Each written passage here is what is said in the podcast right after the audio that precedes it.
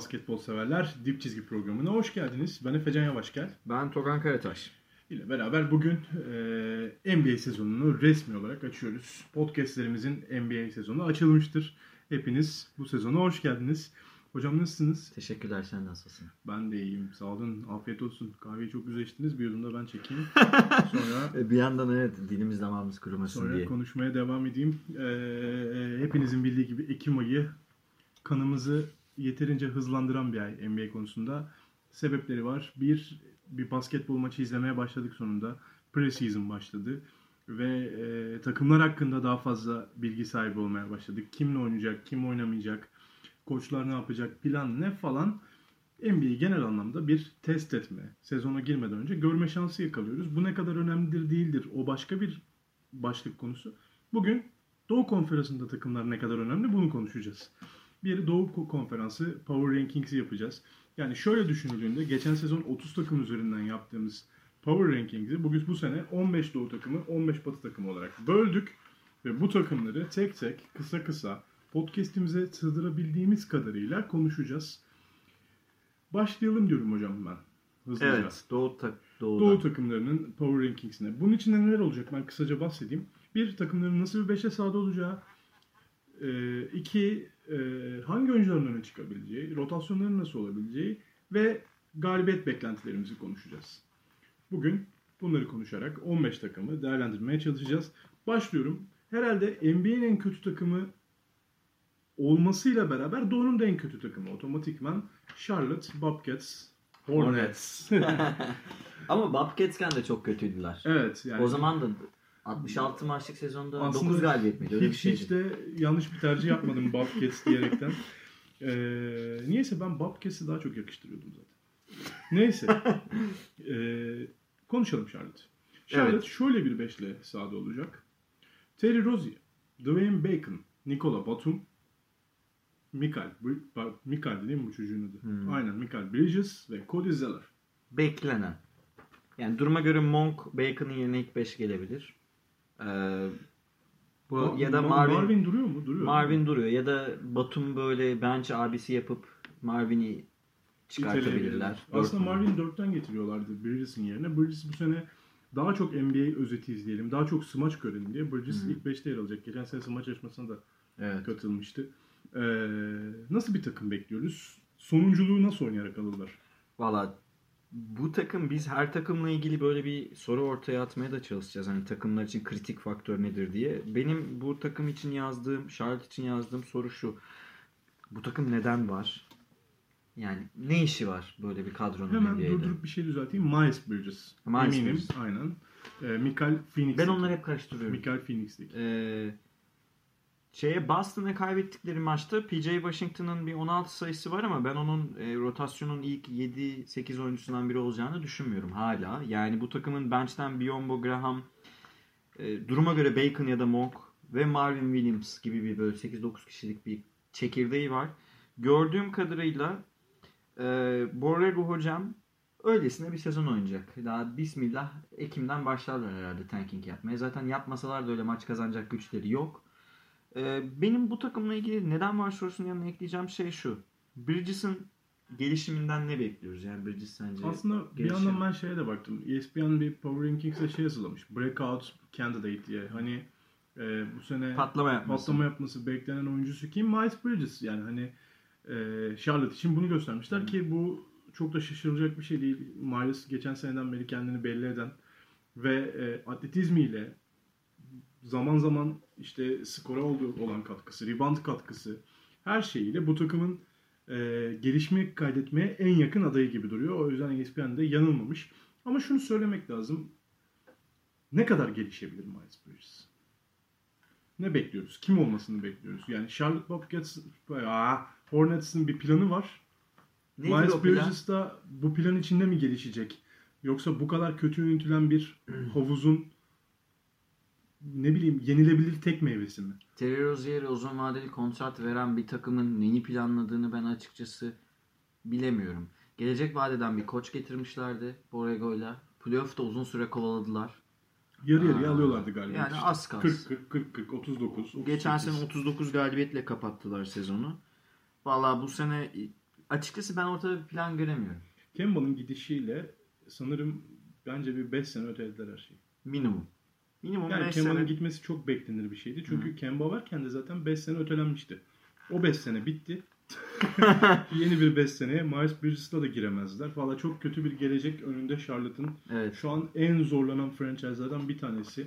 Olanağı da yok. Olanağı olsa hani üzülecektim kötü kullandılar falan diye. Hı. Onu da harcamış durumdalar. Evet. Ee, mesela New York örneği gibi bir şey değil. Hani elindekini kötü kullanırsın. Öyle de bir durum yok. O yüzden biraz kadere mahkum kalacak bu sene Charlotte ve Doğu Konferansı'nda 15. sıraya yazacağız. Eski draft seçimlerindeki hataları da uzun süre çektiler. Bunu- bunlardan Cody bahsediyorum aslında. bahsediyorum evet. Yani galibiyet beklentin nedir? Valla 20'yi geçerler mi diye düşünüyorum. Ben 20 sınırında kalacaklarını düşünüyorum. Ee, bu NBA Underover'lar ortalama işte FanDuel, Fantrax, Vegas filan ben böyle ortalama bir rakamı aldım. 21-22 galibiyet bekleniyor Charlotte'tan.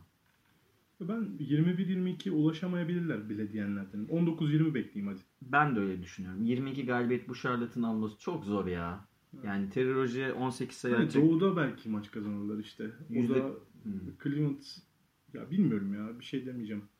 Sadece 20 galibiyet bile beklemiyor olabilir. Maksimum 20 diyorum ben. 20'yi geçmelerini pek o olanaklı daha görmüyorum. güzel bir tabir sevgili hocam. Maksimum 20 deyip yolumuza devam edelim. Ne dersiniz? Evet edelim. Biraz daha sevimli bir takım. Bizim aslında 14'e Cleveland'ı yazdık biz. Hı hı. Hemfikiriz değil mi bu konuda? Evet hem fikiriz. Cleveland bu sene e, iki guard rotasyonuyla başlayacak. Garland ve Sexton e, ilk 5 çıkacaklar. Cedi Osman, Kevin Love ve Tristan Thompson gibi bir 5 Hı hı. şu anda şekilleniyor. Aslında e, daha farklı farklı tercihleri olabilir Cleveland cephesinin. Cleveland koç kararıyla daha değişik bir şey oynayabilecekken iki guard rotasyonu ve iki uzunla. Yani Forvet'te sadece Cedi'yi izleyeceğiz bu sene. Hatta Kevin Love'ı daha da dışarı bir oyuncu olarak oynatacaklar anladığım kadarıyla. Pas dağıtan, pas yöneten ama nasıl olur bir düşünelim. Size soruyorum. Hatta e, Biden şey dedi. Jordan Clarkson'ın 3 numara yani kanat oyuncusu olarak oynama olasılığı var. Ultra kısa bir O 5. da her sene çok azimli bir çocuk. Mamba Akademi'de hazırlanıyor her sene. Bu Kobe'nin akademisinde her sene her yazı çok verimli geçirmeye çalışıyor. Lou Williams gibi olsa yeter kariyeri. Hani öyle söyleyeyim. Ama çok Tavanı öyle de odur. E, tavanı o. Katılıyorum. Tavanı o. Gelebileceği en iyi yer o. Ya şey söyleyeyim Biden'ın bu arada 66 yaşında ilk kez NBA koçluğu yapacak. Yani NBA NCAA'de Michigan geçmişi çok iyi. Yani o NCAA turnuvalarında 700 galibiyeti aşan çok az koçtan biri. Final Four'ları var. 4 farklı division'da, 4 farklı lig e, basamağında galibiyetleri ciddi seviyelerde filan. E, gençlerle çalışmayı bilen bir koç olduğunu düşünüyorum ben. Zaten genç kadroya çok yaşlı bir koç getirmek bence doğru bir hamle. Ee, yani bu şey gibidir. Altyapı koçları hep daha yaşlı olur ya. Bunlar doğru ama ben Sexton ve Garland'ın yan yana oynamasının bir de üstüne zaman zaman Jordan Clarkson forvette süre alacaksa yani Cedi, Love, Tristan üçün, üçlüsünden birinden vazgeçip Clarkson 3 numara oynatacaksa bu takım savunmada ciddi sorun yaşar. Çünkü Garland ve Sexton'ın zaten ön alanda işi çok zor. Ee, ben bu bunu hani soracaktım. Sen sen olsan dener miydin Clarkson böyle 3 numara? Denemem. Yani ben anlamadım da niye zaten böyle bir şey. Denemem. Hatta iki guardla başlayacaksam Cedi'yi dörtten getirecek olmak çok büyük bir risk ya. Çok. Hele bu, bu fiziksel üstünlüğün çok önemli bir yere geldiği. Özellikle 4 numaraların atlet hem de şutör olduğu bir NBA'de Cedi Osman fiziksel olarak çok yıpranır 4 numarada. Hem savunmada hem hücumda. Cedi'den ne bekliyorsun? O konuyu açmasak mı ya? Ben Yani- hala kırgınım biraz Cedi'ye de.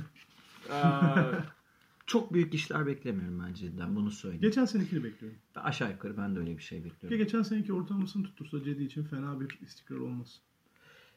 Peki şeyi soralım. Kevin Love takası olur mu? Bunu yine konuşuyoruz ama ben bir yerde takas Olmayacağını olacağım. söylüyorlar. Bence olacak. Ama bence de olacak. Ya Kevin Love'la yapılanamazsınız. Mümkün değil. Çünkü Bir Hocam şey bu daha var. kontratı kime vereceğiz? Tamam da bir, ne- bir etken daha var. Tristan Thompson sakat olmadığı sürece bu takımın abisi olarak oynamak isteyecek muhtemelen. Ve diyelim sakatlanmadı bir şekilde. O zaman Larry Nance gelişimi engellenir. Larry Nance'e dakika veremezsiniz. Ben olsam Ee, en kötü Tristan Thompson'dan kurtulup o da zor. Larry Nance'de oynatmaya çalışırdım. Kevin Love, Larry Nance mi çıkarsınız? Evet. Bence de öyle çıkmadı. Yani Tristan Thompson bu saatten sonra takımın geleceğine ne katabilir? Ya zaten hocam ben tahminim Ocak ayından sonra oynamaz Tristan Thompson. Öyle görünüyor. Ya genelde öyle oluyor bu kadro yapıları ya. Hı. Özellikle e, NBA'de playoff beklemeyen takımlar için daha Yani Garland'ı bu arada özellikle merak ettiğim oyunculardan biri. sakatlıklar bir ay sürecekken 4 ay sürüyor mesela. Ha tabii. öyle şeyler oluyor. Evet evet. Garland'ı ben de merak ediyorum. Garland 80 82'sini nasıl top yönlendireceğini çok merak ediyorum. Cedi'nin burada ne kadar top yönlendirici özelliğini kullanacağını çok merak ediyorum. Ama tüm bu meraklarımla beraber Cleveland 14'e yazıyorum. Evet. Galibiyet beklentim. Galibiyet beklentim Ya bu dediğim ortalamayı söyleyeyim ben yine sana. 25, 24, tam 25. 30'u göremez diyecektim. Hı hı. 25-30 arası bir galibiyet bekliyorum. Ben o kadar yukarı görmüyorum. Yani maksimum 26 diyorum. Öyle mi? Hı hı. Yani 30'a falan çıkamaz bu takım. Ya 26, ben 27, 6, 27, 28, 29 hepsine kabulüm. Ama 30'u göremez. Geçen sene Cleveland'ın 19 galibiyeti aldığını da hatırlatırım. Kevin Love'ın uzun süre oynamadığını, Evet. oynayınca o 19 galibiyetin neredeyse %60'ını 70'ini o civarda çıkardıklarını da Bence Kevin lazım. Love yine bir süre kaçıracak. Kaçıracak mı diyorsunuz? Bakalım neler göreceğiz. Evet. Cleveland'ı bitirdik. Ee, 13. sıraya adım atıyoruz. 13. sırada dehşet bir takım var. Washington Wizards. Hı hı. Bradley Beal sırtına binmiş onlarca Washington taraftarı. 13. sıradan girdi listemize. Neler düşünüyorsunuz Washington hakkında? Şöyle bir beşte sahada olacakları planlanıyor. E. Smith, Bradley Beal, yüksek ihtimal CJ Miles, Hachim- Hachimura ve Thomas Bryant. Ee, Troy Brown Jr. sakat olduğu için CJ Miles'in ilk 5 gelmesini bekliyoruz. Bertans da duruma göre Hachimura'yı 3'e çekip e, 4 numaradan gelebilir. Çok kötü takım. Yani Bradley Beal çıktığı an e, Charlotte'tan bir farkı yok. Var mı? Yok. Çok kötü takım. Tamamen Bradley Beal'ın ne yapacağına bağlı. Isaiah Thomas'ın da sakat olduğunu biliyoruz. Yani belirli bir süreyi kaçıracak. Ish Smith orada tek başına. Neredeyse tek başına. Ish Smith'in 30 dakika oynadığı Bradley Beal'ın burada Brad- Bradley Beal 80 maç oynayacak bunu biliyoruz ama ee, ben onun da takas olacağını düşünüyorum. Eğer takas olmazsa Washington buralarda bitirir. Yok takas olursa Charlotte'la lig sonunculuğunda kapışırlar. Böyle mi dersiniz? Öyle. Çok kötü, gözüküyor çok yani. kötü kadro. Beal'ı denklemden çıkardığınız anda Charlotte'dan kalır yanı yok. Vol'un da dönmeyeceğini düşünüyoruz bu sene. Herhalde öyle gözüküyor. Yani Hiç de konuşulan da bir şey yok. Evet. Vol ne yaptı kendine hiç kimsenin fikri yok. ee, bakalım. Sen Şunu söyleyelim. Ben şeyi soracağım size. ESPN'in breakout players'larından örnek vereceğim. Yani Thomas Bryant'ı çok gelişme kaydedeceğine inanıyorlar bu sene. Hachimura da gelmişken Thomas Bryant e, geçen seneye kadar hani bir dönem hatırlıyor musunuz? 20-10 gibi bir ortalama tutturmuştu. Evet. Çok iyi bir ay oynamıştı. Öyle bir uzun vadeli performans bekliyor muyuz? Hmm. Ben kişisel anlamda bu sene 15-7 falan ortalama tutabileceğine inanıyorum. 15-7. Evet. Ya bu Thomas Bryant ve Mitchell Robinson gibi dakika başına iyi istatistik üreten oyuncuların anlamlı maçlarda uzun dakikalar oynadığında o dakika başına istatistiği aynı şekilde devam ettiremeyeceğini düşünüyorum ben. Yani dakika başı istatistiğine baktığında çok iyi durumda Thomas Bryant ama onu gerçek anlamlı dakikalara vurduğunda e, yani 20-10 projeksiyonum yok açıkçası Thomas Bryant için. Ama 16 sayı, 8 rebound, 7 rebound yapabilir. Bu mümkün. Breakout mudur? Hmm, büyük patlama değil bence bu. Yani, Yani geçen- hedefi olmayan bir takımda 16 sayı, 8 rebound çok çok Ama büyük. bu benim beklentim. ESPN'in beklentisi farklı. 20-10 yaparsa tamam derim. Breakout olur mu? Abi olur şimdi 20 Olur, olur, olur. yani. Anlamlı bir istatistik. Skor üretebilen bir oyuncu aslında. Hani Hı hı. şut da atabilen orta mesafe. Biraz enerjisi de çok yüksek bir oyuncu ki Hı. bu bence sakatlığa çok ihtimali olduğunu gösteriyor. Allah korusun hani öyle bir şey beklediğimden değil ama Thomas Bryant'ın fiziksel şeyini biraz benzetiyorum o. Hı hı. Ee, talihsiz oyuncular gibi sekiyor. Hı, Evet evet yani. evet evet. O yüzden e, Thomas Bryant'ın yani ne bileyim breakout players listeme almazdım. Almazdım diyorsun. Almazdım. Ya şöyle beklentim 15-7 olduğu için. 20-10 beklemediğim için ben de onu söyleyeyim evet.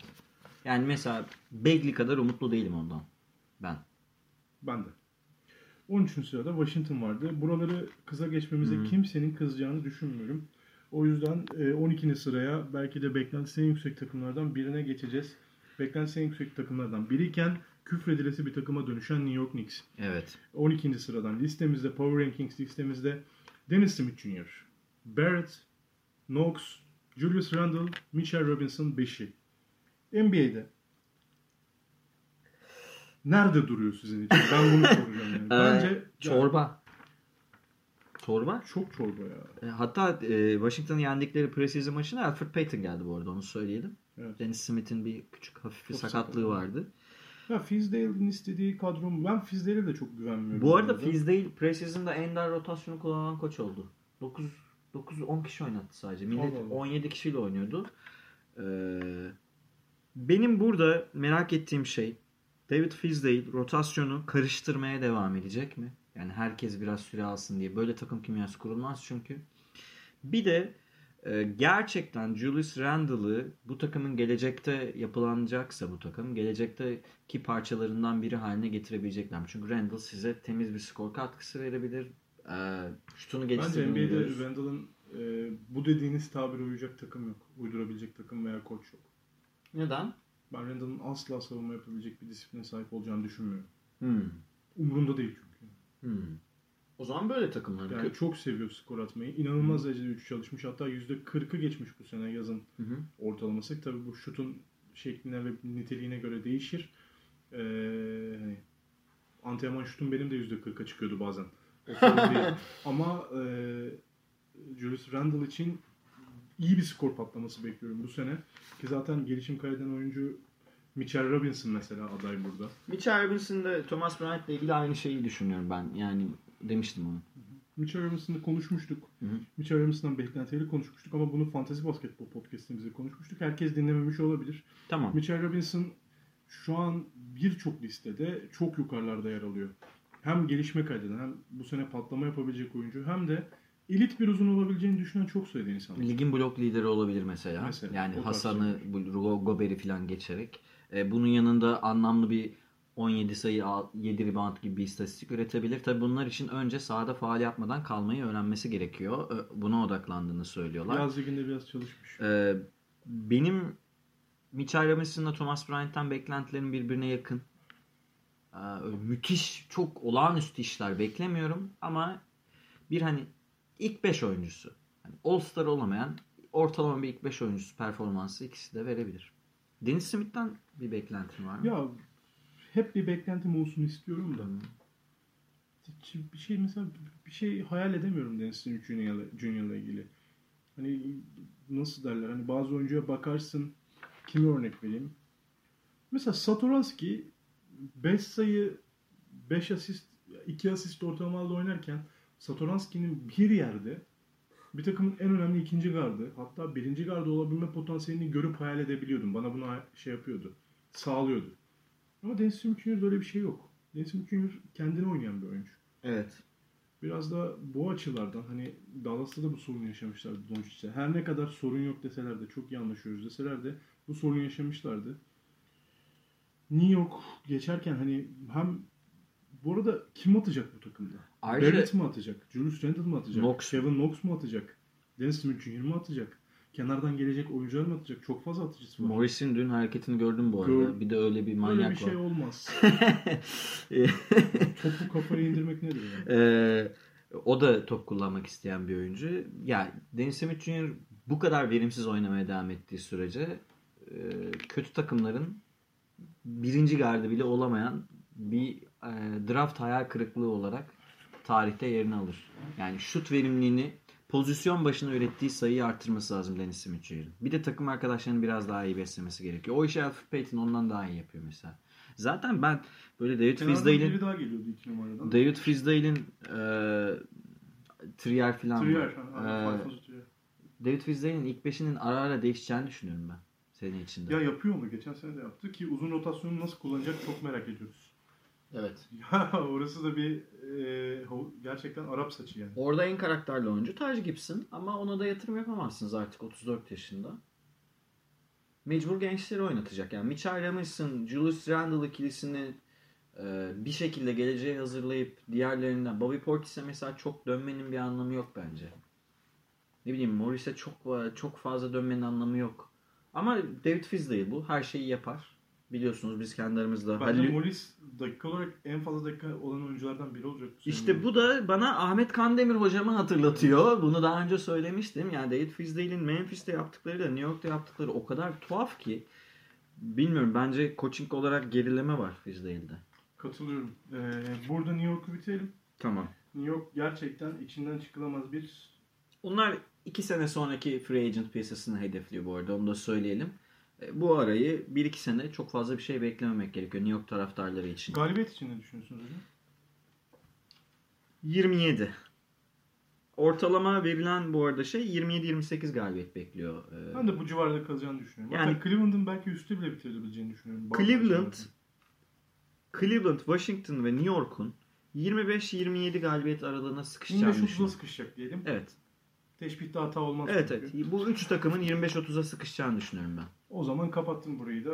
Tamam. Ee, ve 11. sıradaki Chicago'ya giriyorum hocam. Evet. izninizle. Evet. Chicago bu sene biraz önce daha ismini andığım Thomas Satoranski'yi ilk 5 başlatarak yüksek ihtimal çıkacak ya da çıkmalı diye devam edeyim. Thomas Satoranski, Zach Lavin, Otto Porter Jr., Laurie Markkanen, Wendell Carter Jr. Ama Dan başladı. Evet. Ne düşünüyorsunuz bunun hakkında? Ee, Jim Boylan Bu arada NBA'de böyle bir şey yok. Kim Ee, oynatacaksan başlatırsın. Jim Boylan NBA'in e, bunu abartmıyorum en kötü koçu olabilir. Yani şöyle bir düşünüyorum. Evet en kötü koçu olabilir. Ve şeye baktım ne kadar kötü diye. Chicago'da 58 maça çıkmış. 17 maç kazanmış. %29 galibiyet yüzdesi var. Böyle tek tük maç oynayan asistan hani böyle geçiş sürecini e, geçiren asistan koçları çıkartırsak Chicago tarihinin en kötü galibiyet yüzdesine sahip koç. Franchise tarihinin en kötüsü. kadroyla da alakası var. Evet ama tamam kabul ediyorum. Ama şu da var. Ee, hangi oyuncunun potansiyelini yukarıya çekebileceğine inanıyoruz. Satoranski boyu olduğu için Satoranski 2 metrelik bir guard olduğu için onu kanatta kullanabiliriz dedi.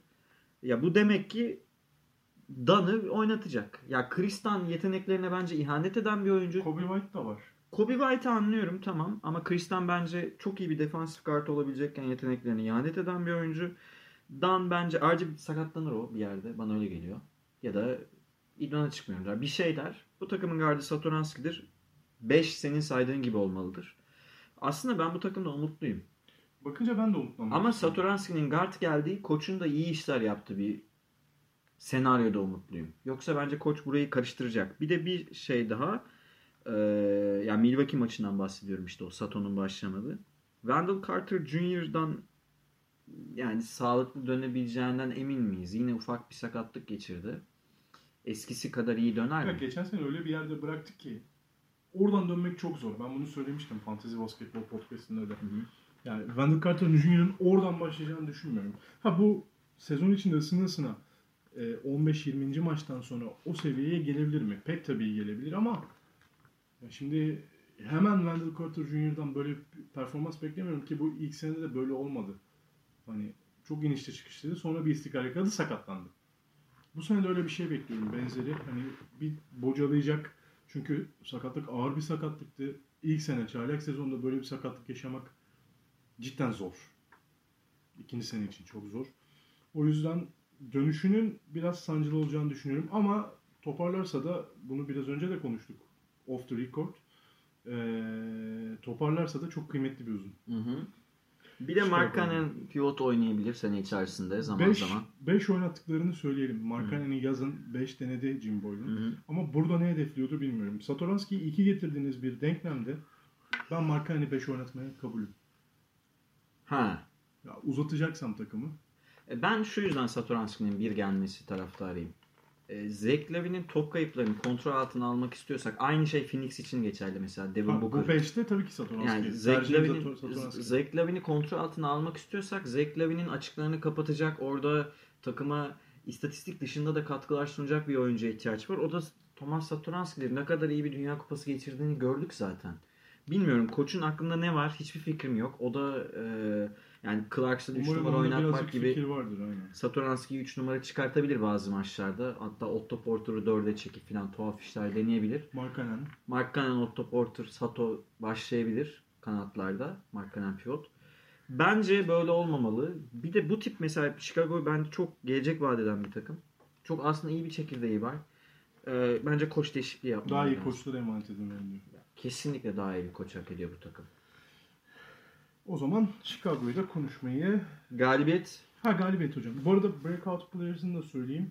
Chicago'nun Breakout Players'ı zaten konuştuk. Carter Jr. Evet. E, 33-34 galibiyet görünüyor Chicago Bulls için. Yani burada bir ayırdık takımları. Burada e, bir farklılık var. Alttaki dörtlüden bir kopuş bekleniyor. 33-34 bence ulaşabilirler 33 galibiyete. Ben zannetmiyorum. 30'u geçerler mi? Geçerler ama 33-34 bandına çıkacak. 30-31 diyorsun. 31-32 o civar diyorum. Ben Chicago ile alt dörtlünün arasında en az 2-3 galibiyet olacağına inanıyorum diye. Ben şunu şöyle ayırayım. Siz bunu söyle dediğiniz için söylüyorum. Ee, Chicago bence Doğu Konferansı'ndan en kötü takımların en iyisi. Hı hı. Kötünün iyisi Chicago. Hı hı. O ekip bence burada bitiyor. Evet. hı. Şimdi başlayacağımız Atlanta'da iyilerin en kötüsü. Evet anladım. Böyle bir çizgim var. Yani kaçıncı sıradan çektim? Çizgiyi sen Chicago'dan 11. çektin. sıradan çektim. Hı hı. 11'den 15. sıraya kadar kötüler. Hı. Ve Chicago bu kötülerin en iyisi. Hı. Görünen çekirdek olarak. Anladım. Ve yukarıda şimdi konuşacağımız Atlanta Hawks 10. sırada ve konuşacağımız takımlar arasında bence tecrübeyle de alakalı olmak üzere en kötüsü. Ben Chicago'yu. Chicago'yu aşağıya değil yukarıya eklemeyi tercih ediyorum. Yani Chicago ile Atlanta arasındaki galibiyet farkı Chicago ile New York arasındaki galibiyet farkından daha az olacak. Bence Chicago yukarıya daha yakın bitirecek. Ama tabii bu bu koçla işleri zor. Onu ben de söyleyeyim. şunu söyleyeyim. Atlanta ile Chicago arasındaki galibiyet farkı Chicago ile New York arasındaki galibiyet farkından daha fazla olacak. Hadi bakalım merak ediyorum bunu Ben olacağını. O zaman bizim 10. sıra takımımıza geçiyoruz. Atlanta, Atlanta. konuşmaya hı. başlayalım. Evet. Atlanta'yı şu şekilde konuşabiliriz. İlk beşe hemen vereyim. Trey Young, Kevin Huerter, DeAndre Hunter, e, John Collins, Alex Len. Ki Alex Len ilk beş başlamadı sanırım Precision maçında. Evet ama Alex Len e, eğer sağlıklı kalırsa e, onun yani ayaklar NBA hızını kaldıramıyor. Bunu bir hepimiz biliyoruz. Çok aslında faydalı bir pivot oyuncusudur Alex Len. Bench'ten de Evan Turner, Reddish, Jabari Parker, Damon Jones gibi parçaları var. Şunu bekliyorum Lloyd Pierce hocadan. E, Trey Young ve John Collins'in bu sene büyük gelişim göstermesini bekliyorum. Atlanta'nın yapacağı şey budur. Bu iki oyuncuya yönelik bir franchise yaratmak. Bir de e, çaylakların gelişimini izlemek istiyorum. Yani Reddish'in, Hunter'ın ne bekleriz mesela sen bu oyunculardan? Reddish ve Hunter'dan. Ya burada beklentiler çok farklı. Hunter'dan beklentilerim biraz var. Şöyle.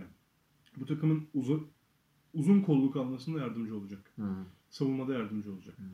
E, ama yani diğer boyutta çaylak sezonunda ne kadar hazır görünebilir DeAndre Hunter ona bakacağız. Yani Pelicans'tan 25 yediler. 24 Evet, yani yediler. ne kadar hazır görünebilir, ne yapabilir? Vince Carter'ın pası hariç hiçbir şey izlemeyi tercih etmiyorum preseason'da. Ee, çok gördünüz mü onu? Hı. Reddish'e verdiği pas. Reddish aynı şekilde ben geçen sene e, Duke çekirdeğinden z- tabii Z- Zayn'i aldıktan sonra ikinci tercihim Reddish'ti siz biliyorsunuz. hı. Yani Barrett'ı falan sallamayı planlıyordum kafamda ki hala öyleyim. Reddish'i daha hazır görüyorum kafa olarak yani Hı. oyuncu olmaya hazır görüyorum. O yüzden Atlanta'nın bence çekirdeği skor olarak Jabari Parker bu takımın aslında sıkıntısı belli. Bu takımın sıkıntısı elit bir savunmacısı yok. Ve Vince Carter en efektif savunma yapan oyuncu olabilir oynarken yani. Evet. Bu yüzden de bu takımın çözmesi gereken problem bu. Hunter'ın da buraya odaklanması gerekiyor. Hı. Aynı şekilde Reddish'in de. Öncelik skor değil. Bu takımın mesela çok ciddi skor tehdidi var ya. Trey Young ve John John Collins Collins, size... Hı. Alex Len. Jabari Parker, Reddish skoru bu şekilde çözecek bu takım yani çok belli. Bu takım çözemeyeceği şey yüksek skor, skorda maç bitirmek sürekli. Buna bu tempoda ne yapacaklar göreceğiz. Nitekim tempolu yani Pelicans da çok tempolu takım. 133 yediler. İşte Yani 109'u gördüler ama 133 yediler. işte bu şekilde maç kazanmak mümkün değil. Ama Doğu'da e, geçen seneki galibiyet sayısı Atlanta'nın 29'du. Bunun üzerine çıkacaklarına eminim ben. Kesin çıkacaklar. Yüzde yüz diyorum bakın bugün. Bugün Kaç itibariyle 35'i geçeceklerini düşünüyorum. Ben de 35'i geçebileceklerinden emin değilim. 34-35 galibiyetteyim. Ben de 35'i 35'in geçeceklerine inanıyorum. Hatta 33 bile olabilir. Bu sene breakout players'ı Kevin Huerter. Patlama yapması beklenen oyuncu. Bir, bence çok elit bir şutör kumaşı var. ESPN'e burada bu şekilde katılabilirim. Ama breakout players biraz iddialı bir söylem. Bence de. O yüzden de Hüeter acaba patlama yapabilir mi? Patlama yaparsa bu takım 40 galibiyet alır. Evet. Yani öyle bir skor ve şey katkısı verirse ama tabii savunma nasıl çözecek o başka. Bilmiyorum Hüeter'in patlama yapabilecek oyuncu adaylarım arasında Hüeter'i de almazdım ama şey bekliyorum. Elit bir şutöre dönüşme hayalini kuruyorum Hüeter'le ilgili. Hı hı. Siz ne düşünüyorsunuz? Ben de seninle benzer düşünüyorum burada. John Collins ve Trae Young'ı söylememe nedenimiz zaten geçen sezonun son iki ayını çok iyi oynamaları. John Collins'in sakatlık harici dönemi Onlar diyorum. artık Hücum ne derler anlamında ona? oldular. Savunma anlamında Evet. ne olacağına bakacağız. köprüyü geçmek üzere. Evet. Atlanta böyle. Bence en iyi takımların en kötüsü durumunda. O da tabii tecrübe de burada önemli. Bunu da unutmayalım. Yani Atlanta'nın playoff yolundaki rakipleri, playoff takımı değil Atlanta tabii de yani. Olabilir ama niye olmasın? Detroit, Orlando, Brooklyn, Miami arasında bir savaş olacak yani. Öyle görünüyor ama şey o takımların hepsi çok tecrübeli takımlar. Bu şekilde konuştuk. Atlanta ile ilgili var mı hocam konuşmak istediğiniz Yok benden şey? bu kadar. Galibiyet oranında yazdık. O zaman Detroit'i size hemen bırakacağım. Geçen sene %50 galibiyetle kapattı Detroit Ligi. 41 galibiyetle kapattı ve biz geçen sene boyu şunu izledik. Ee, Black Griffin'in kurduğu oyunlar. Bir de Drummond'ın kafasına göre arada yaptığı işleri izledik. Bir de Drummond e, Griffin gelince pası düşmüştü onu hatırlayalım. Ee, şöyle bir farklılık var. Markif'in gelişi Griffin ve Drummond'a bir ekstra dinlenme alanı katacak. Bir de Drummond'ın birkaç kilo verdiği biraz daha fit olduğu söyleniyor. Çok iyi durumdaymış. Dwayne Casey üçlük atmayacak dedi ama at- atıyor. Gördük yani. Deniyor hala bir tane denedi. Ee, Reggie Jackson'ın kontrat yılı. Ama hala bu takımın gardı Reggie Jackson. Bunu unutmayalım. Yani Reggie Jackson'a güvenilmez. Şöyle Drummond, Griffin, Snell, Brown Jr. ve Reggie Jackson Evet böyle görünüyor. Derrick Rose ve Luke Kennard'ın bench'in skor sorununu, skor bench'ten skor katkısı verecek oyuncular olarak geleceğini biliyoruz. Markif'in de işte uzun dinlendirecek oyuncu olduğunu düşünüyoruz. Ben eğer Blake Griffin sakatlanmazsa çünkü e, Fandrax'ta filan Detroit'e 38-39 galibiyet yazılmış. Ben biraz az buldum bunu açıkçası. Yani biraz az buldum. Şu yüzden az buldum. Griffin ve Drummond sakatlanmazsa elinizde iki tane kalbur üstü uzun var. Hatta Blake Griffin'in geçen senesi biraz underrated bence. Çok iyi bir sezon geçirdi. De. Bir de Luke Kennard'dan iyi bir sezon Ya Luke bekliyorum ben. Kennard'dan ben de çok iyi bir sezon bekliyorum ya. Ben bu konuda bunu duyduğum çok insan var.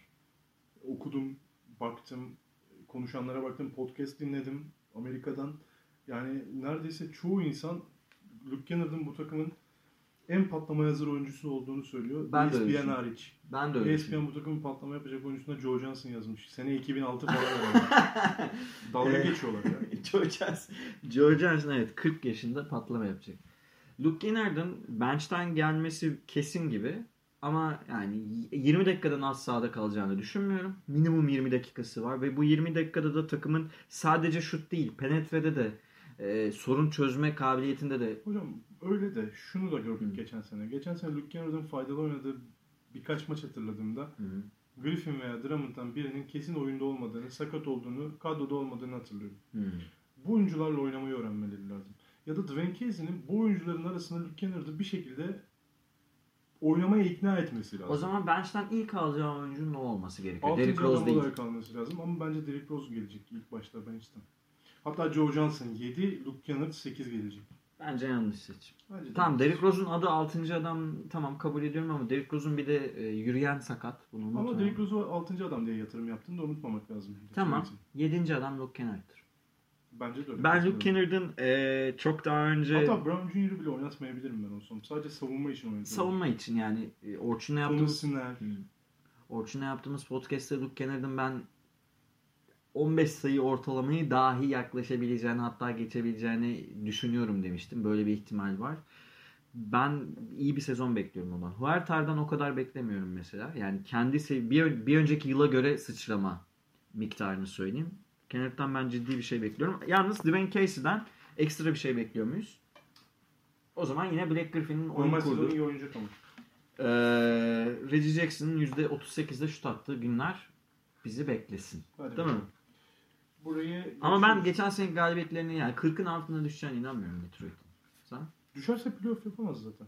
Böyle Zaten şey şu an biz playoff'un dışına koyduk. 9'a koyduk. 9. sıramızda Detroit e, Power Rankings'te ben 41 gal ben bu sınıra çok yakın olacaklarını düşünüyorum.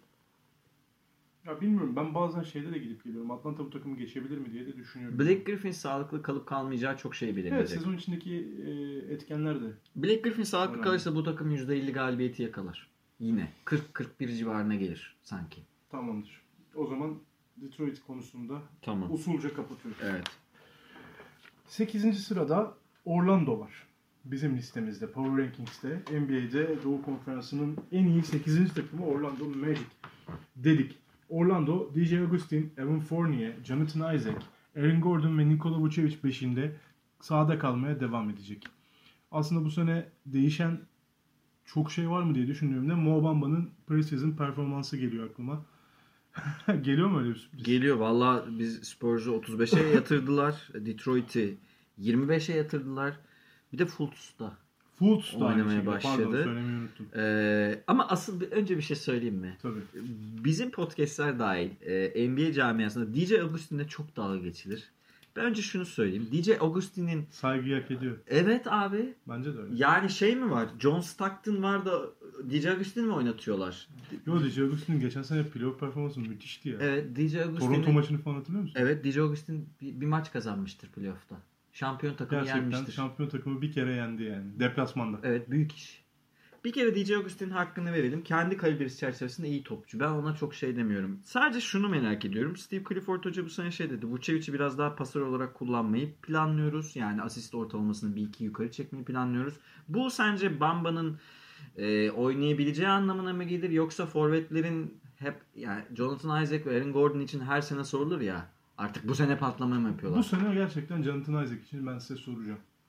Jonathan Isaac bu sene patlamaya aday oyuncular arasında benim listemde de var. ESPN'inkinde olduğu için. Benim yok. Ben almadım işte. Bence o büyük bir iş. Gelmeyecek mi diyorsunuz? Patlamadan Aaron kasıtlı- Gordon'un artık patlama yapabileceğini zannetmiyorum. Aaron Gordon'un maksimumlarını vermeye başladı. Öyle mi diyorsun? Bence öyle. Ben çok ekstra bir şey Ama iyi geçiriyor bu arada Aaron Gordon. Evet, kabul. Sezona da hep iyi giriyor zaten. Jonathan Isaac de iyi geçiriyor gerçi. Jonathan Isaac'in daha iyi geçirdiğini hatta şut yüzdesinin All-Star arasından sonra %40'lara 35 39'lara yaklaştığını üçlük yüzdesinden bahsediyorum. Çok iyi bir atıcı haline de gelme potansiyeli var. Ee, Blok tehdidi var, skor tehdidi var. Mental olarak güçlü duruyor. Fiziksel olarak kolları çok güçlü. uzun. Onun yanında bence mental olarak da çok Hı hı. güçlü duruyor. Yani gelişime çok açık bir oyuncu. O yüzden Jonathan Isaac'i yazacağım. Bu arada Jonathan Isaac forvetlerin unicornu aslında. Yani üçlük atıp top çalan, blok yapan nadir oyunculardan biri. Bu üçünü birlikte yapabilen nadir oyunculardan biri. Özel bir yetenek ama ben Jonathan Isaac'in böyle dominant bir performans sergileyebileceğini düşünmüyorum. Elbette biraz gelişecektir istatistikleri ama çok büyük bir atılım beklemiyorum. Benim be- açıkçası beni biraz heyecanlandıran şey Markel Fultz'un dönüşü oldu. Ben hala Bamba'ya yani biraz soru ben işaretiyle yani biraz soru işaretiyle bakıyorum. Bamba bence preseason'daki kadar iyi oynamayacak NBA'de. Çünkü onlar anlamlı maçlarda Ken daha iyi işler çıkarmışlardı. Artı eksi de söylüyorum özellikle. Fultz'u oynamasını istiyorum yalnız. Yani Fultz bence bu sene oynayacak. Daha önce de ben bizi dinleyenler Çaylak hatırlıyor. sezonu bu sene mi geçirecek? Evet. Fultz bence bu sene oynayacak. Sence? Bence de oynayacak. Zaten çok fazla şu an Orlando medya ekibi, iletişim ekibi hı. Markel Fultz üzerine yoğunlaşmış durumda. Markel Fultz çayı üfleyerek gitse Instagram'da görebiliyorsunuz. Yani evet dönüyor diye. Markel Fultz şu an evet şut atıyor. Evet işte ama yani bir dinamiği değişmiş şutunun. Böyle bir ama özgüven de gelmiş. İşte e, içeri giriyor, penetre ediyor. Yine aynı turnikelerden bırakmaya başlamış ama ben her şeyi izlemekten çok sıkıldığımı da dile getirmeye çalıştım Markel'le ilgili. Oynayacaksa oynayacak işte. Bekliyoruz. Markel'in ben de bu sene oynamasını bekliyorum ama. Bir de benim şey aklıma geldi. Markel'in takım kont opsiyonunu kullandı Orlando. Ee, demek ki bir şeye güveniyorlar. Kesinlikle ya. ya Yoksa hocam, kullanılacak Lotarya bir- piki var elinizde şu an öyle düşünün. Evet. Bedavaya aldınız neredeyse.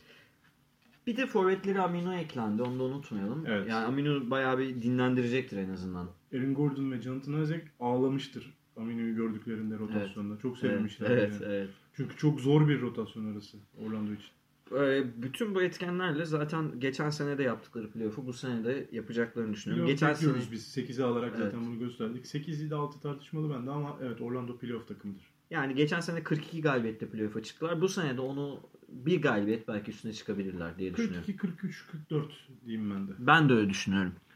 Ve bunda da şeyi söyleyeyim. Steve Clifford ile Orlando'nun kimyasının ne kadar iyi olduğunu hatırlatalım. Yani Kesinlikle koç takıma çok uyumlu. Kesinlikle katılıyorum. Çok özveriyle çalışıyor. Hı hı. Orlando'yu bu şekilde uğurluyoruz. 8. sıradan. Ee, Bizim listemizin bizim 7. listemizin sırası. 7. sırasına geçiyoruz. Kevin Durant'tan yoksun. Evet.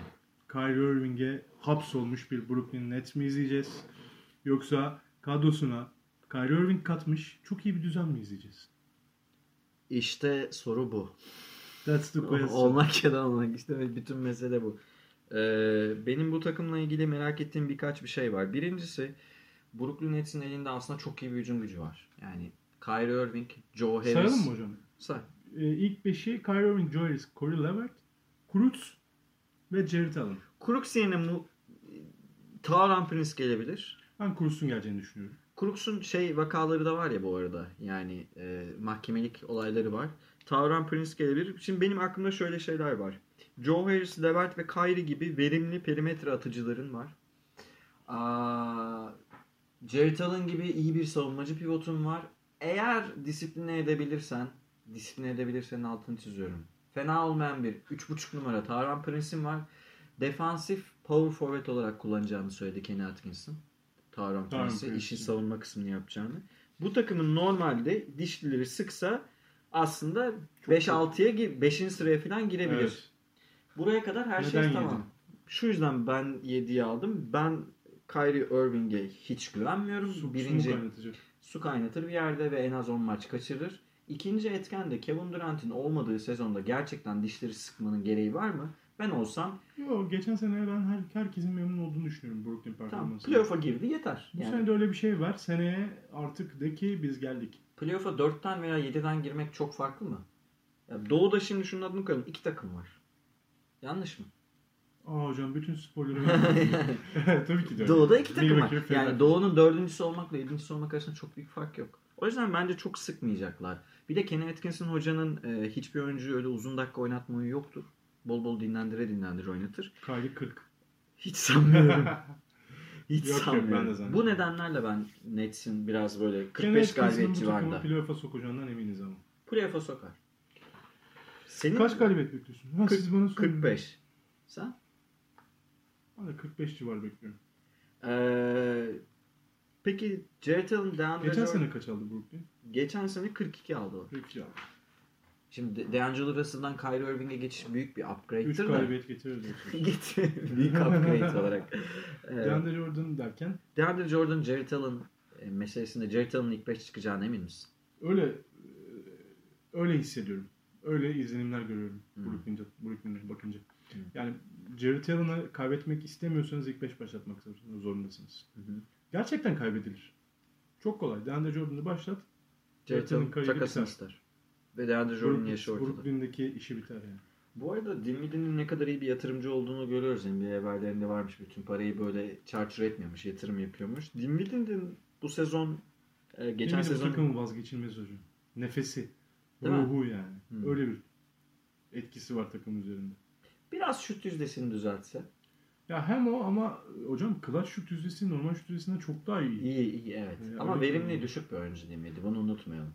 Yani Dinwiddie verimsiz oynayan bir oyuncu. İyi istatistik Zaten üreten. çok istikrarlı olsa bence Lou Williams kalibresinde bir oyuncu. Hmm. En iyi 6. adam aday olacak, olabilecek bir oyuncu ama Hmm. e, niyeyse onu pek göremiyoruz yani. Çünkü biraz da lakaytlik var. Hmm. Ya şöyle eğlenmeyi çok seviyor aslında. Mesela ben bu kadar kolay bir uzun üstüne sürüp basket faul alabilen iki oyuncu var NBA'de bence. Biri Lou Williams, biri Spencer Dinwiddie. Bir de Facundo Campazzo var. Üçüncüsü de Campazzo. E, peki e, Kyrie Irving Boston'daki durumu hakkında açıklamalar yaptı biraz ortamı yumuşatmak için. Sen gerçekten Kyrie Irving'in bu takımı taşıyabileceğini düşünüyor musun? Bu soruyu yeniden sorayım çünkü Brooklyn'i biraz konuşalım diye dedim. Ben inanmıyorum. Yani Kyrie Irving bir takım lideri olamaz. Şunu söyleyeyim. Boston performansından daha iyi bir şey izleyeceğiz. Öyle mi? Bundan eminim. Hmm. Hiç kuşkum yok. Bundan eminim. Çünkü Boston'da olmayan şeylerden biri Boston rotasyonunun oynamaya çok hazır. Biraz şey vardır ya. Bir önceki seneden gelen olmuş oyunculuk. Kyrie Irving'e bütün her şeyi vermek biraz zor geldi. Ki bence biraz o takım potansiyeli Kyrie Irving'i Boston dışına itti. Yani hocam sorunlar neden kaynaklandı? Kyrie Irving'in bu takımda çok top kullanmasından, topu dağıtamamasından. Bir ara azmetti, 10 asist üstüne çıktı 2-3 hafta. LeBron'u aradı. Bir şey, bir şey, bir şey, bir şey. Olmadı yani. Kan uyuşmadı. Brooklyn Nets'le uyuşabilir çünkü D'Angelo Russell diye bir oyuncu vardı. Yerine Kyrie Irving geldi. Kyrie Irving e, bence D'Angelo'dan daha oyun zekası daha yüksek bir oyuncu. Zaten buna hemfikiriz herhalde. Şey ne demiyorum, yetenek kalibresi daha yüksek tabii ki. Ama oyun tarzı biraz farklı. Pick and roll oynamıyor yani. Daha doğrusu birinci silah pick and roll değil. E, Bununla mücadele etmiş bir Kenny Atkinson var daha. Çok taze mücadele etti. İki sene önceki D'Angelo Russell'la geçen seneki D'Angelo Russell'daki farkı görürseniz ne demek istediğimi anlayacaksınız. Geçen seneki Kyrie Irving'i yeterince biliyor Kenny Atkinson. Bu sene çalışıp düzeltmek de onun elinde. Kenny Atkinson'a güveniyorum biraz. İşte ben de bu tip e, geleceğe yönelik yatırım hamlelerinin e, Brooklyn'i ilk beşe sokamayacağını. Ya bu şey gibi sen deyince aklıma geldi. Mesela Kobe Bryant'la ilgili konuşulan şeylerden biri şudur. Kobe Bryant sezon içerisinde bilerek zor şutlar dener. Orta mesafeden zor fadeaway'ler dener. E, playoff'a idman olarak. Yani bunun kısmen doğruluk payı var. Ama bu Kobe Bryant'a maç kaybetmesine neden olmuş olabilir. Ben bunun gibi denemelerin gelecek senedeki sorunları çözebilmek adına bu, sene, yapılmasına en bu sene yapılmasından yanayım. Bu sene maç kaybedelim ama takımın kimyasını yükseltelim. Yani Levert'in Levert de sonuçta bir ball handler. Evet. Levert'le Kyrie'nin uyumunu bulmak önemli. Breakout players yine Levert Brooklyn'de ama bunu arada konuşmaya gerek yok. Bence patlamayı yaptı sakatlandı. Bu sene de yapması çok muhtemel. Skor olarak e, Kyrie sonra skor yükünü çekmesi çok muhtemel. Ayrıca playoff çok iyi oynadı. Playoff çok yönde. Onu da Evet. hatırlatmak gerek. E, Brooklyn'de bu şekilde konuşmuş olduk. Altıncı sıradan Miami'yi, Jimmy Butler'ı, Dragic'le Dragic ve e. Vince Love arasında kimin bu takımın top yönlendiricisi olacağını bir konuşalım hocam. Size bunu söyleyeceğim. Takımın ilk beşi Dragic, Waders, Jimmy Butler, Olynyk ve Bam Adebayo gibi olacak gibi duruyor. Siz Love ilk beş mi başlayacağını düşünüyorsunuz? Dion Waders'ın başlamayacağını düşünüyorsunuz. İkisi farklı sorular. Ee, ben olsam Dragic ve Tyler Hero'yu ilk 5 başlatırdım. Tyler Hero'yu ilk 5 başlatırdım. Ee, Vince Love'u Tyler ben- Hero'yu. Tyler Hero'yu. Evet ilk 5 başlatırdım ya. Tamam. Denerdim yani.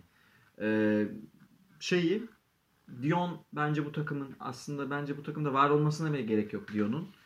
Ee, 400 kiloluk haliyle bile oynadı gerçi şimdi biraz daha iyi durumda ama Winstov e, bir guard olarak yani forvet guard o point forvet olarak faal yüzdesi falan kötü olduğu için ben o noktada Dragic'e daha daha çok güveniyorum. Şu yüzden Dragic'in oynaması lazım. Takımın geleceği Winstov ama eğer Winslow bu sezonu baştan sona point guard olarak oynayacaksa bu takım playoff tehlikesi yaşar. Playoff'a giremeyebilir. Jimmy Butler'a rağmen.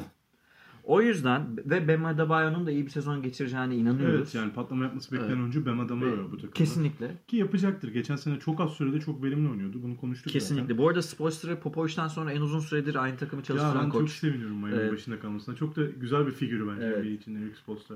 Sadece e, Chris Paul takası düşünülüyor. Hala Miami geçiyor bu Chris Paul adı. İlla bir yıldız daha alacaksınız yani. Chris Paul gelirse bütün dengeler değişir ama şu koşullarda ben Miami ve, Miami ve Brooklyn'in 40 e, aynı galibiyet civarında Miami için de 45 diyorsunuz yani. 45 civarında 45-46 maksimum diyorum. Ben de o civarda bekliyorum. Ama Miami'nin ben Brooklyn'in üste bitebileceğine inansam da yani ama şu an baktığımda Power Rankings konuşmak başka bir şey. Hı hı. Ya Power Rankings'te şu an görünen Miami'nin daha üste bitireceği ortalamalar bir şey. Bizim de baktığımızda istatistik olarak ortaya çıkan ama inandığım, hissettiğim bir şey var ki Miami'de sorun çıkması Brooklyn'de sorun çıkmasından daha kolay. Takım Hmm. rotasyonunda. Hmm. O yüzden risk görüyorum. Risk yüzünden Brooklyn belki biraz daha fazla galibiyet alabilir. Birkaç galibiyet diye düşünün, düşünüyorum. Ama sezon öncesi Power Rankings'imde tabii ki Miami önde. Evet. Miami'yi de bu şekilde var mı hocam söylemek Yok istediğiniz benim bir şey? notlarım böyle. Benim Jim Butler hakkında bu kadar. taşır takım playoff'a. Jim Butler takımı playoff'a sokacak diye Evet. özetleyelim. Evet. Ee, ve bu sene geçen senenin şampiyonu, geçen senenin hem Doğu konferansında çok önemli performans sergileyip sonra da NBA finalini kazanan Toronto Raptors, Kawhi Leonard'dan e, kopmuş Toronto Raptors bu sene herhalde en iyi 5. takım hala. Doğu'da ne diyorsunuz? Öyle. Yani geçen seneki e, 58 galibiyete ulaşmaları imkansız. Fakat e, hala Kyle Lowry duruyor. Bu arada opsiyonunu kullandılar. Kyle Lowry'nin Fred Van Fleet duruyor. E, Gasol, Ibaka duruyor. Anunoby, Powell Kyle gibi. Lowry, Norman Powell, sözünüzü kestim özür dilerim. OJ Anunoby, Hı. Pascal Siakam, Marc Gasol. Siakam'ın herhalde breakout player Siakam mı? Kim? Breakout player OJ Anunoby. Anunoby Çünkü mi? üç e, o pozisyondaki boşluktan Anunoby'nin patlama yapacağı belli. Ha, gerçi Siakam zaten kendini ispatladı artık. ispatlayacak bir şey yok. Ee, benim merak ettiğim şey şu. Toronto hala kaliteli takım. Hollis Jefferson falan döndüğünde de bence ciddi katkı verecektir. Fred VanVleet ilk 5 çıkmak istiyorum dedi. Ee, sen ne diyorsun mesela? Sen olsan ilk 5 çıkartır mısın Hayır. VanVleet? Neden? Hayır. Neden? Kyle Lowry ne oynatacağım? İki mi oynatayım? Yok. VanVleet 2 oynayacak. Oynatamam. Çok kısa. Ya bir de eee, o ikisi birlikte tam aynı verimi vermiyorlar. Yani bu takım bench'in de sorumlu olduğu bir guard lazım. O yüzden Fanflet bence çok yakışıyor 6. adama. Hmm. Siz ne düşünüyorsunuz? Bence de. Ben sadece Van Vliet'in şey sözünü yani kariyerim boyunca bench'ten gelmek istemiyorum. Bir yerde ilk 5 gelmek istiyorum. Bu, bu şu demek. Bu sene 2 numaradan Bu sene için mi söylüyor? bu sene için bir mesajdı bence. Bu sene 2 numaradan ama bence bir yerde Nick Nurse Ben e, Norman Powell'la başlayacağını düşünüyorum ya. evet ama şey ilk 5'ler arada biri değişecek. Aa, değişecek mi? Sanki. diyorsun? Yani Van Vliet'in gönlünü almak Bakalım için. ya denesin. Denemekten de zarar görüyor ki. Özellikle Toronto içeride oynadığı maçların çoğunu kazanma potansiyeline sahip bir takım. Ee, oynama alışkanlığı, koç alışkanlığı. ee, tamam Kaval. Bu arada bu takım Cavaliers'ın oynamayı biliyor. Biliyor zaten Geçen oynadılar. seneden biliyor. Kaç maç oynadılar yani. Evet. O yüzden de çok fazla sorun çıkacağını düşünmüyorum. Hatta e, Pascal Siakam'ın All-Star olacağını düşünüyorum ben onu da söyleyeyim. Ya umarım ya. Çok sevindim. Evet. Vallahi Siakam All-Star görmekte. Ya doğuda mümkün bu. Mümkün. Ee, ben bu sene de çok ciddi bir skor Lowry katkısı bekliyorum. Kyle Lowry de yine All-Star olabilir. yani Kyle All-Star'a kadar All-Star olmak için oynuyor zaten. Sonra piyasada yok. Kadar. Ee, Toronto'yu da bu şekilde. 46 galibiyet dedim ben. Ya geçen seneden eksi 12. 46 46 47. galibiyet. Sen? Hmm, 45 üstü diyorum yani. Katılıyorum ya. O civarda bitireceğini düşünüyorum. Tamam. Size hiç karşı gelmiyorum. Tamam. hocam. Ee, başka bir şey kaldı mı Toronto ile Yok ilgili? benim böyle. Tamamdır. O zaman şuraya şu notu aldıktan sonra hemen Indiana konuşmaya başlayalım. Bizim dördüncü sıramızda Indiana var arkadaşlar. Indiana Malcolm Brogdon sakatken ama sakatlıktan sonra Victor Oladipo şu an Jeremy Lamb, TJ Warren, Domantas Sabonis ve Miles Turner beşiyle sahada kalacak. Şimdi benim burada hemen soruyu sormak istiyorum. Kyle Lowry, Van Fleet yan yana oynamaz. Sergen Tümer yan yana oynamazsa Sabonis Turner yan yana oynar mı? Galiba Indiana'nın kaderini belirleyecek soru bu.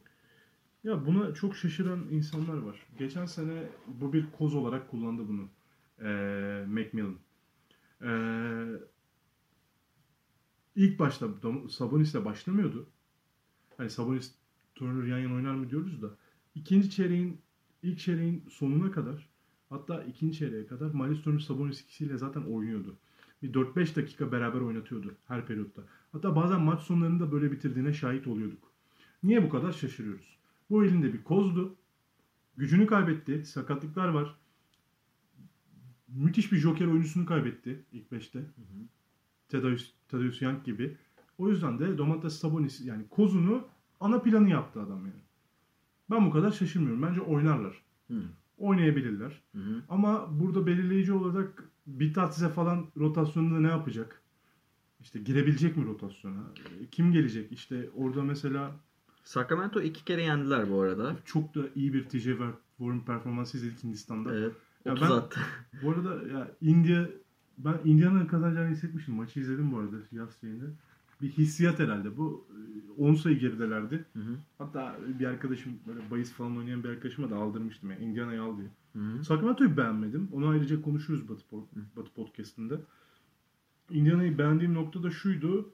E, sorumluluk almak isteyen çok oyuncu var sadece atamıyorlardı. Jeremy çok kötü şut attı mesela o gün. DJ Warren eli bir tuttu. Zaten 30 yaptı. Maçı da aldı. Ben o yüzden Lamp ve Warren'ın kendini yeniden ispat sürecine gireceğini ve iyi sezon geçireceklerini düşünüyorum. O, Ha, Bıraktığında çok yok. önemli bir karar verici olduğunu söyleyelim bu arada. 14 asist yaptı şey Tabii. maçında. İkinci Bu maçta. Ee, Oladipo dönmese bile yani şöyle diyeyim Oladipo dönecek de Oladipo yeni yıla kadar dönmese bile ki Aralık'ta dönmesi bekleniyor galiba değil mi? Aşağı yukarı. Şey. Yeni yıla kadar dönmese bile bence Indiana'nın ilk dörde girme şansı çok yüksek. O yüzden zaten ben dördüncü o maçta Warren'ın maçı uzatmaya götüren buzzer'ı attığını da söyleyelim.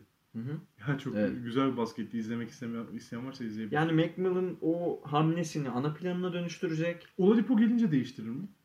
İşte ben onu düşünüyorum. O zaman TJ Warren'ı 3'ten mi getirecek? Bence yapamayacak. Bence bu, bu şekilde devam edecek. Yani Miles Turner ve Sabonis ikisini beraber oynatacak. Ben bu sene Sabonis'in yani artık- Lamp mı 3'ten? Lamp bench'e geçecek. Lamp bence geçecek. Lamp Lamp, bence geçecek. 6. adam gelecek. Aynı Charlotte'daki gibi. Hı hı, hı. Ee, geçen sezon gibi. O yüzden bu, bu performans, ya bu kadro, bu rotasyonu bozmayacağını düşünüyorum.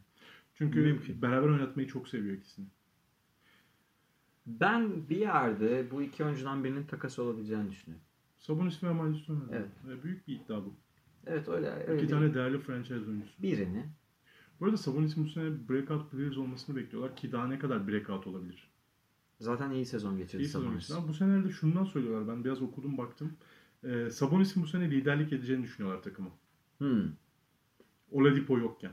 Miles Turner'ın değil, Sabonis'in daha aklı başında kalıp ki ben de o tercihi yapardım. Miles Turner'a vermezdim o sorumluluğu. Değil mi? Oyuncak şey tabanca biriktiren Miles Turner'a. Litvanyalı bu gelsin diye Sabonis'i alırdım yani. Öyle bir beklentim var. tamam. E, Ve tadı- dördüncü bitireceklerini. Hatta Boston'ın olası bir tökezleme durumunda Indiana'nın 3 numaranın da adayı olduğunu düşünüyorum. Evet. Evet. Konuşuruz Boston'ın Tamam. tökezleme şey- şeylerini. E, o zaman e, 47-48 galibiyet bandına getirdik. Ha 47-48 galibiyet bandında. Özellikle içeride çok maç kazanabileceğini düşünüyorum. Evet. Beklediğim bu. 50'yi göremezler ama. Bu arada geçen sene hatırlatırım Indiana e, Euro, şey NBA'in en Euroleague takımıydı. Aynen. Yani bütün herkesin skoru paylaştığı, herkesin çabaladığı bir Evet, takımdı. mecburdu. Bu sene de Evet. öyle olacak. Çok el var.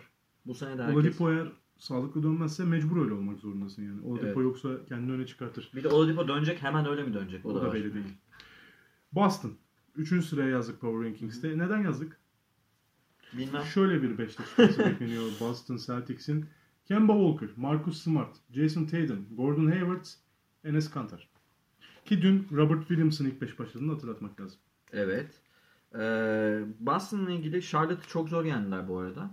Bu arada hem Robert Williams hem Enes kim gelirse gelsin Poirier var. Poirier yani ben çok olumsuz şeyler hissettim ya. Ben de. Boston pivotlarına karşı. Ben de. Yani kim gelecek oradan? Taco Fall mu? Zor zor, oynaması. Ce- Tatum falan da pivot oynatamayacağınıza göre bunlardan biri mecbur oynayacak ya da birini almaya bakacaklar. Benim merak ettiğim şeyler şu. Kanat oyuncuları Jalen Brown gibi, Gordon Hayward gibi, Jason Tatum da buna dahil.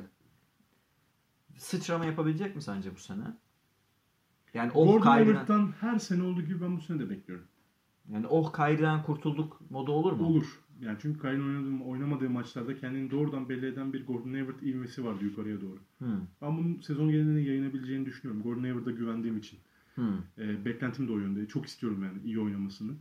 O yüzden ben ya bu takım çok savaşan ama bir şekilde e, boyalı alan savunmasını yapamayan bir takım olacağını düşünüyorum. Bu dediğim sebeplerden çok kötüler hepsi. Yani Robert Williams beklenenin çok altında. Çok. Ee, bakalım hem breakout players olması beklenirken hem de bu kadar kötü performansla preseason'a girmesi beni kuşkulandırdı. Endişe verici yani. Bilmiyorum nasıl olacak ama Boston'da şunu söylemek lazım. Bu sene değişik bir şey izleyeceğiz. Yani geçen seneden daha eğlenceli bir takım olacak. Kyrie'den Z, Kemba ile oynamak. Çünkü Kemba elinde daha az süre top tutan, çok kısa sürede skora dönüştürebilen, hem takımın da oynamasını izin veren bir oyuncu. NBA şey bu arada Amerika milli takımıyla da beraber gittiler geldiler. Jalen Brown'la, Jason Tatum'la, Marcus Smart'la. Orada da bir e, beraber oynama tecrübesi oldu. Ne kadar iyi geçmese de bunun Boston'ın normal sezonuna yansıyacağını düşünüyorum. O yüzden de 3'e yazdım açıkçası. Kemba daha karakterli oynayacaktır Kyrie'den. Bunu Kesinlikle. konuşuyoruz zaten. O kadar yetenekli bir oyuncu olmasa da. E, Gordon Hayward'daki gelişimi breakout sayabilir miyiz? Çok sayamayız. Çünkü Gordon Hayward zaten eskiden oradaydı. Ya oradan düştüğü için sayamıyorum Evet. ben. Benim breakout adayım Marcus Smart. Marcus Smart. Yani Rozier'in de dakikadan. olmadığını düşünürsek, Terry Rozier'in de olmadığını düşünürsek Smart'ın e, eğer biraz yüzdesini artırabilirse e, Bir fena atmıyordu geçen sezon sonunda. bu arada J- Jalen Brown saçlarını niye kesmiş abi? Çok kötü olmuş. Neyse Ben. Jalen Brown'un da 2 sene öncekine yakın bir şey oynayacağını düşünüyorum. Ben de Marcus Smart'ın da e, bu sene ileriye doğru adım yapacağını Boston düşünüyorum. Indiana'dan daha fazla galibiyet alacak dedik kendi içimizde. Ee, yani baktığımız zaman ama tökezleme ihtimali fazla. Evet. Onu da söylemek lazım.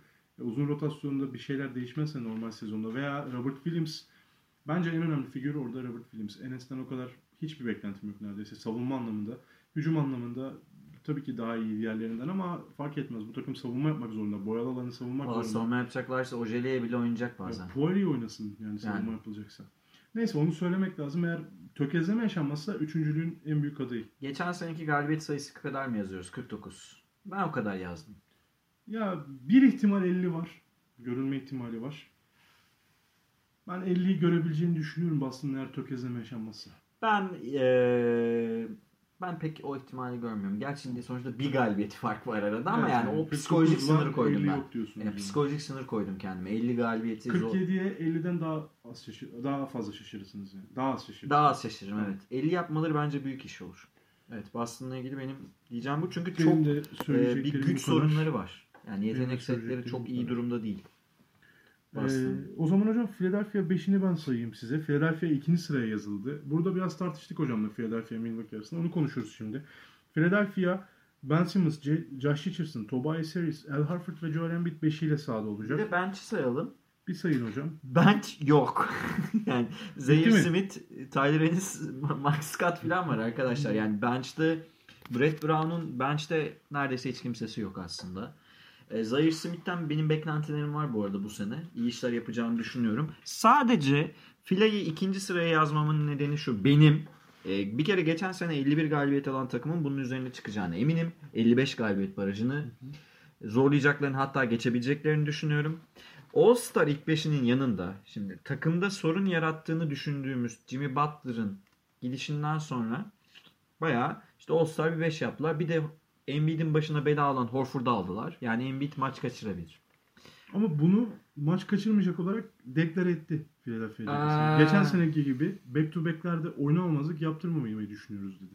Load management'ı az göreceksiniz Embiid üzerinde dedi. Sanmıyorum. Anladım. Fake. Sen Ben de sanmıyorum. Çok sakatlanıyor çünkü. sakatlanıyor. Bir de Embiid maçın ikinci yarısında düşen bir oyuncu. Canı acıyor bayağı. Yani Embiid'in birinci devre verimliliğiyle ikinci devre, devre verimliliği arasında dağlar kadar fark var. Çok çok yorulan bir oyuncu. Biraz kilo vermiş diyorlar ama e, benim yani Fila'yı ikiye yazmamın nedeni şu. Fila'nın ilk beşi büyüktür Milwaukee'nin ilk beşi ama Fila'nın rotasyonu çok dar. Fila'nın koçu o kadar iyi seviye. Üst elit bir koç değil. Bunu hepimiz biliyoruz. Bence Brett Brown bir şampiyon takımın koçu değil.